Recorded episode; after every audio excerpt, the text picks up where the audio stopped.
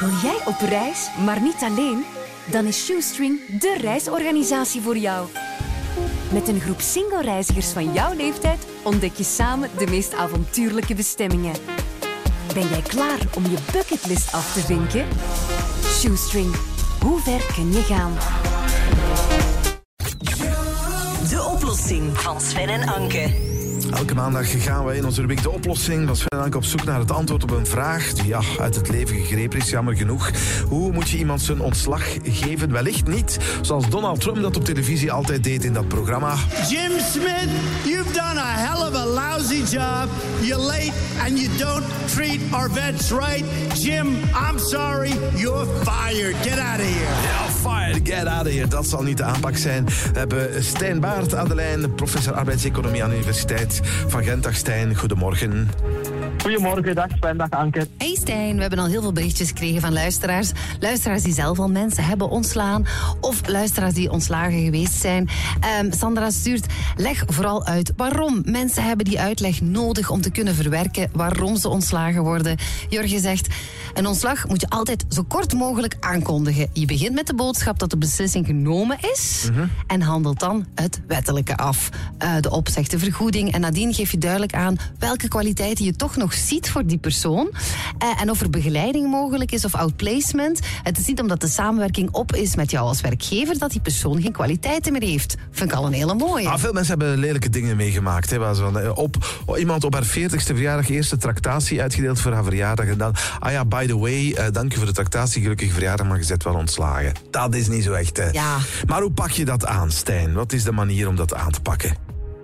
Wel, onze specialisten zeggen daarover dat je eigenlijk drie stappen moet uh, volgen. En de eerste is een kort gesprek, hè, zoals een van de luisteraars zei, waar dat je meteen ter zake komt, hè, wel goed voorbereid. Uh, dus niet tussen de soep en de patatten op de 40ste verjaardag, maar wel snel tot de kern van de, van de zaak uh, komen. En dan op het einde van zo'n eerste korter uh, gesprek uh, wordt er een afspraaktypes gemaakt voor langere gesprekken of wordt gezegd dat dat uh, mogelijk is om die te hebben met de HR-dienst, waar er dan ja, nog meer argumenten eventueel kunnen gegeven worden, maar ook naar de toekomst toe kan, kan gekeken worden van wat is er nog mogelijk, waar kunnen we jou bij helpen.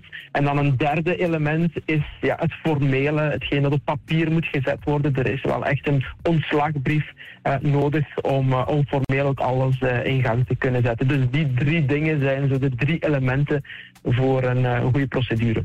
Maar dat is als het echt zo ver is. Hè? Maar heel vaak mm. heb ik de indruk dat mensen het totaal niet doorhebben ja. dat ze hun ontslag krijgen. Um, en ik zie dat eigenlijk ook wel een beetje gebeuren. Ik heb dat de voorbije mm. jaren ook gezien. Dat mensen die ontslagen worden van tevoren geen duidelijke waarschuwingen ja. krijgen. Dat ze zo'n beetje zo gepaaid worden op de een of andere manier. Dat ze toch zo te horen krijgen dat ze het wel goed doen. Maar nooit ja. echt concreet van jongens, het is vijf voor Als je nu niet herpakt, dan wordt het niks. Dat wordt volgens mij echt weinig gedaan. Ja, wel, het probleem, zoals uit onderzoek blijkt, is dat niet zozeer de ontslaggesprekken fout gaan. Soms natuurlijk wel. Maar wat vooral vaak fout gaat, zijn de gesprekken vooraf, de functioneringsgesprekken die je om het jaar of om het half jaar hebt met de basis bespreken hoe alles zit. En daar wordt te vaak uh, wat men dan de sandwich-methode noemt uh, toegepast. Waarbij soms wel een beetje kritiek al gegeven wordt, maar dat wordt dan altijd gesandwiched tussen heel veel goede zaken, waardoor dat het helemaal niet duidelijk is dat er iets verkeerd aan het lopen is en dat er wel bijsturing nodig is, of anders dat het wel eens tot een ontslag zou, zou kunnen leiden. Dus die voorafgaande gesprekken zijn inderdaad vaak te weinig duidelijk en geven te weinig aan dat er, dat er mogelijk iets is aan te komen als er geen verandering is. Want wat zegt de wet daar eigenlijk over? Moet er altijd een gegronde reden zijn om iemand te ontslaan? Nee, het kan, kan soms zijn dat, dat gewoon het bedrijf moet besparen of dat jouw functie een beetje overbodig is geworden. En soms is het wel zo dat er een ernstige fout is, dat er een ontslag op staande uh, voet is. Hè. Stel dat Anke drie keer te laat komt in een week of ze, ze laat de technische installatie in of, of ze gaat die seksueel belagen, Sven. Ja, dan kan ze op staande voet uh, ontslagen worden. Dan is er een ernstige fout. Maar in andere gevallen uh, gaat het gewoon ja, om uh, een, een, normaal ontslag. En dan moet er wel ofwel een opzegtermijn betaald worden, ofwel een opzegtermijn gelopen worden, ofwel een opzegvergoeding betaald worden. Ja, ja. En die ver- vergoeding, is dat belangrijk? Sommige mensen suggereren dat het belangrijk is om meteen ook wel in dat korte gesprek waar je het over had, oké, dit, om die eh, snel zeggen, oké, we gaan je ontslaan. Dit is de reden daarvoor, je kan een langer gesprek eh, krijgen Ja. daarover. Weet wel dat, en we gaan ons daar ook goed aan houden, de ontslagbrief is hier, maar je krijgt dit en dit en dit als ontslagvergoeding. Is dat goed om dat meteen erbij te zeggen? Kunnen die centen ergens ja, de pijn verminderen? Ja, dat wordt typisch aangeraden omdat dat een deel uitmaakt van de goede voorbereiding en van het feit dat je zo weinig mogelijk onduidelijkheid wil geven. Dat, dat, eerste kort gesprek is best duidelijk om de redenen, maar ook al voor een stuk over, over wat er dan volgt.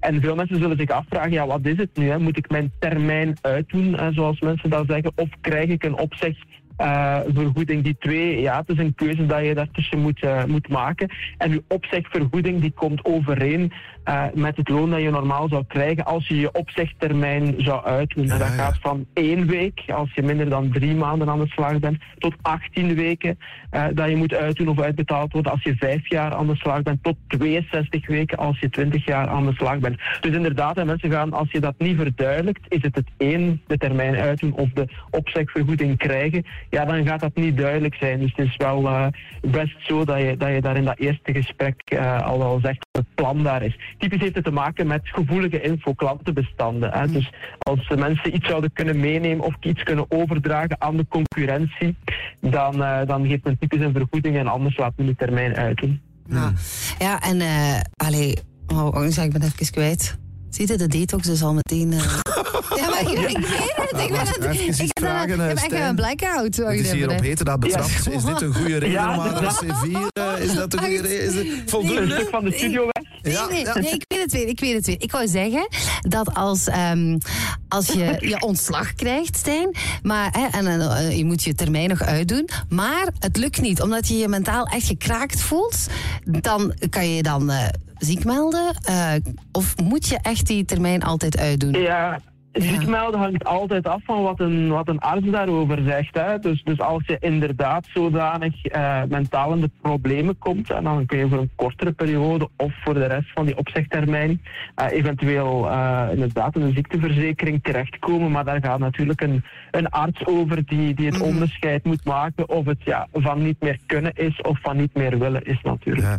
En als... de- Wacht even, zo nee, maar heel even, bij, even bij de kluts Oh. Stijn, ik ben met- vanochtend met een detox begonnen. Hè. Ja. Ik, was, ik, heb dat, ik heb dat nog nooit gehad op de radio. En nu, nu moet ik wortelsap drinken en nu kan ik het niet meer. Ik ga moeten stoppen. Hè. Ja. Stijn, dankjewel voor de Een deskundige detox op uitleg. steekfriet zou natuurlijk beter zijn. Ja, ja, dank het ook.